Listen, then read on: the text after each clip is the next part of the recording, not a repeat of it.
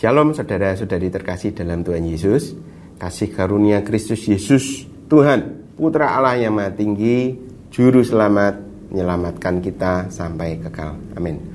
Saudara, hari ini kita akan membahas penyesatan terhadap Kristologi, yaitu siapakah Yesus Kristus sejati yang disembah oleh orang Kristen, bukan disembah oleh orang lain, orang Kristen. Kali ini kita akan membahas dari sudut pandang sejarah. Apa yang menyebabkan mereka tersesat dan uh, uh, pola-pola penyesatan apa saja yang dikerjakan oleh uh, roh penyesat, yaitu iblis atau satan. Nah, nanti dari tiga model penyesatan ini yang akan dipaparkan di sini, kita akan lihat bagaimana Satan ingin mengaburkan Injil yang benar melalui kristologi yang palsu. Oke, kita akan langsung saja. Pertama, yaitu pada abad pertama, ada sekelompok orang yang disebut sebagai kaum Ebionit. Nah, kita mengenal tentang Ebionit ini dari catatan Eusebius, penulis sejarah gereja pertama, bukunya Historia Ecclesiastica. Ya, menurut Eusebius, kaum Ebionit ini berpendapat bahwa Kristus Yesus hanyalah manusia biasa, yaitu manusia yang saleh, benar, kemudian bertumbuh dalam karakter dan kebenaran. Jadi Kristus Yesus hanya manusia biasa, hasil pernikahan normal dari seorang pria dan Maria. Ini pendapat Ebionit. Kemudian inti ajaran kaum, kaum Ebionit adalah bahwa setiap hukum Taurat harus dilaksanakan secara literal. Kemudian bahwa tidak ada keselamatan yang dihasilkan karena percaya pada Yesus Kristus. Melainkan Kristus Yesus adalah teladan saja bagi manusia. Makanya kaum e, Ebionit ini memahami Yesus Kristus hanya sebagai teladan hidup moral. Bahwa jika seseorang bisa meniru Yesus dalam cara hidup yang seperti Yesus, maka mereka dapat mencapai keselamatan. Inilah kesesatan, kekeliruan kaum Ebionit. Kemudian kaum Ebionit ini berpendapat bahwa memang Yesus Putra Maria itu ada dan melayani pada abad pertama. Mereka betul-betul menyaksikan Yesus. Tetapi mereka menolak kebenaran bahwa Yesus itu adalah inkarnasi dari Logos atau Dafar atau Memra Yahweh ini bahasa Aram, yaitu firman Allah yang adalah putra Allah, yaitu penghubung antara Allah yang tidak bisa dilihat dengan umat manusia sejak perjanjian lama. Mereka menolak itu.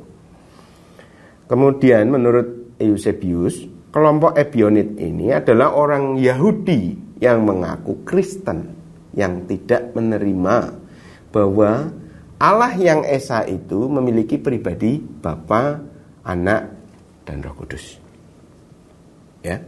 Jadi kesesatan Ebionit ini pada dasarnya adalah menolak Tritunggal yang telah dinyatakan sendiri oleh Tuhan Yesus Kristus. Saudara, ajaran yang demikian yaitu pikiran bahwa usaha kesalahan manusia akan menyelamatkan, ini bukan iman Kristen. Ini bukan apa yang diajarkan oleh para rasul Tuhan Yesus. Kemudian lanjut penyesatan yang berikutnya. Kaum Gnostik. Nah, kaum Gnostik ini mulai berkembang abad kedua. Yaitu ketika orang-orang abad kedua ini sudah tidak lagi bisa menyaksikan Yesus secara langsung. Abad kedua soalnya sudah cukup agak jauh. Karena memang sosok Yesus itu sudah tidak ada, sudah naik ke surga. Jadi segala sesuatu tentang Yesus hanya tinggal bukti-bukti, saksi-saksi saja. Yaitu pada murid-murid eh, rasul-rasul dan murid-murid rasul yang diteruskan pada murid-murid mereka. Maka kesesatan kaum Gnostik ini diawali dari kehilangan tambatannya pada Yesus sejarah. Yaitu figur Yesus secara jasmania. Ini yang mereka abaikan. kesesatan uh, mereka ini. Lanjut. Tokoh utama dari kaum Gnostik ini adalah Serintus. Nah, menurut Eusebius dari buku tadi Historia Ecclesiastica 3.28. Serintus ini pernah ditegur keras oleh Rasul Yohanes menurut catatan itu di sebuah kamar mandi umum karena mengajarkan kesesatan. Dan Eusebius mengutip informasi ini dari Dionysius. Bahwa kesesatan kaum Gnostik ini menyatakan bahwa Kristus adalah makhluk sorgawi yang turun pada Yesus pada saat pembaptisan. Jadi antara Kristus dan Yesus ini adalah dua makhluk yang berbeda. Dan kemudian pada masa penyalipan, Kristus ini meninggalkan Yesus sebelum penyalipan. Sekali lagi ini kesesatan mereka. Jadi hanya Yesus manusia yang menderita di atas kayu salib. Kristusnya pergi, kabur. Kemudian mengenai konsep keselamatan, mereka agak nyeleneh. Yaitu uh, keselamatan hanya bisa didapat manusia melalui sebuah usaha. Lagi-lagi kesombongan, usaha manusia. Mencapai pengetahuan ilahi yang sanggup membebaskan seseorang dari ilusi kejahatan. Nah, pada saat itulah manusia roh akan terbebas dan manusia jasmani akan selalu jahat dipisah. Karena inti ajaran dari Gnostik ini adalah yang suci tidak dapat menyatu dengan yang fana, seperti itu di dunia ini. Uh, keadaannya menurut teologi sesat mereka bahwa kebaikan itu melawan kejahatan. Dua, dualis, nah, mumet kan, pusing kan. Nah ini bidat. Nah belakangan ini ada ajaran yang mengkombinasikan pikiran-pikiran nyeleneh seperti ini, terus menyampaikan bahwa ini temuan baru. Menurut saya sih bukan temuan baru, melainkan pekerjaan setan yang terus diulang saja. Ya, dengan tambahan modifikasi. Nah, kalau saudara mengamati, maka uh, mudah saja kita mengetahui bahwa penyimpangan ini ini ada meskipun dikemas dengan sebaik apa pun. Ya. Lanjut yang terakhir. Dokaitisme. Arti dari kata uh, dokaitisme ini dari kata dokain yaitu penampakan. Bidat ini uh, punya pendapat bahwa Yesus Kristus itu tidak pernah berjalan, berbicara, beraktivitas secara jasmani jadi kaum Toketis ini menganggap bahwa Yesus itu hanya penampakan saja.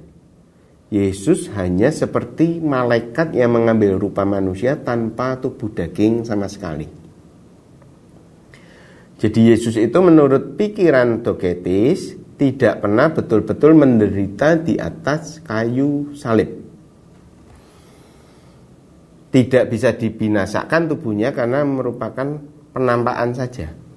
Nah, kesesatan ini yang nantinya akan memberikan dasar bagi kaum liberalis, kaum yang tidak percaya pada ajaran yang sehat, bahwa surga dan neraka itu tidak ada. Ini pikiran mereka. Karena realitas daging dan roh tidak bisa menyatu. Maka daging tidak akan menderita di neraka. Karena realitanya beda. Ini pikiran-pikiran yang berkembang dari Toketis. Menurut mereka, makhluk roh tidak dapat merasakan penderitaan di neraka. Nah, itu sesat.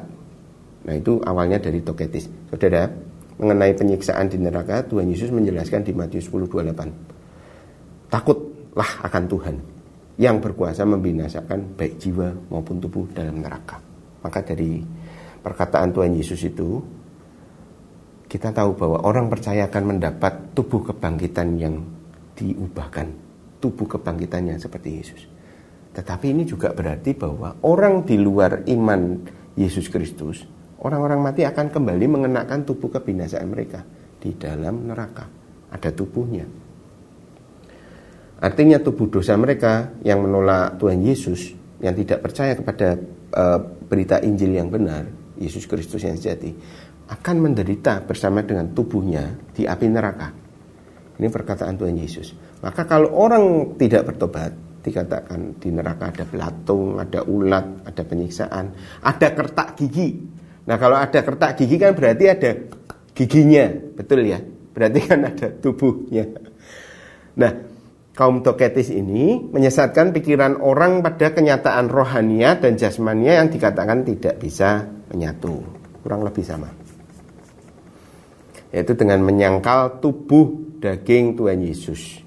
Kita akan baca 1 Yohanes 4 ayat 2 dan 3. Demikianlah kita mengenal roh Allah. Setiap roh yang mengaku bahwa Yesus Kristus telah datang sebagai manusia berasal dari Allah. Dan setiap roh yang tidak mengaku Yesus tidak berasal dari Allah. Perhatikan, roh itu adalah roh anti Kristus. Ada rohnya saudara di balik penyesatan ini. Dan tentang dia telah kamu dengar bahwa ia antikristus ini akan datang dan sekarang ini ia sudah ada di dalam dunia. Nah, Saudara, mengapa disebut roh antikristus? Karena roh penyesat yang demikian mendefinisikan sebuah kristologi yang palsu. Kebenarannya adalah Kristus Yesus adalah firman Allah yang menjadi manusia. Ayat hafalan gereja Kahal Yohanes 1 henarke hen hologos. Pada mulanya adalah firman. Kai hologos hen prostonteon. Firman itu bersama-sama dengan Allah. Kai teos hen hologos. Dan Allah adalah firman. Ayat 14 kai hologos saks egeneto dan firman itu telah menjadi manusia. Kemudian lagi 1 Petrus 3:18 ini ayat hafalan kita juga. Tanatoteis mensarki jelas sekali. Dan telah dibunuh dalam keadaannya sebagai manusia. Kemudian bangkit dan naik ke surga. Itulah Kristus Yesus yang sejati. Itulah kristologi yang benar yang terus kita warisi. Nah saudara inilah penyesatan oleh roh antikristus yang terus ada sampai pada hari ini dan akan terus berulang sampai Tuhan datang. Mengenai kristologi, berdasarkan sejarah kekristenan, penyesat, penyesatan yang dilakukan iblis ini berkutat pada tiga hal ini. Pertama, penyangkalan akan keilahian Yesus. Nah ini berarti juga menyangkali Tritunggal. Pasti kalau menyangkali keilahian Yesus pasti menyangkali Tritunggal menyangkali kebenaran ini adalah juga menolak pernyataan Yesus sebagai pribadi sang putra Allah di dalam penyataan Allah Tritunggal. Kedua, penyangkalan akan kemanusiaan Yesus. Wah, ini fundamental sekali. Mendasar sekali. Dengan menyangkali kemanusiaan Yesus, rencana setan adalah untuk menganulir pembayaran korban yaitu tubuh dan darah manusiawi Yesus yaitu korban tanpa cacat celah kepada Allah. Maka tidak akan ada kesempatan bagi manusia untuk menerima keselamatan. Nah itu yang direncanakan setan. Satan. Dengan memberitakan Kristus yang lain orang tidak lagi mengakui korban Yesus Kristus sebagai tebusan binasa itu yang kedua yang ketiga penyangkalan akan Yohanes 1 yaitu inkarnasi firman menjadi manusia.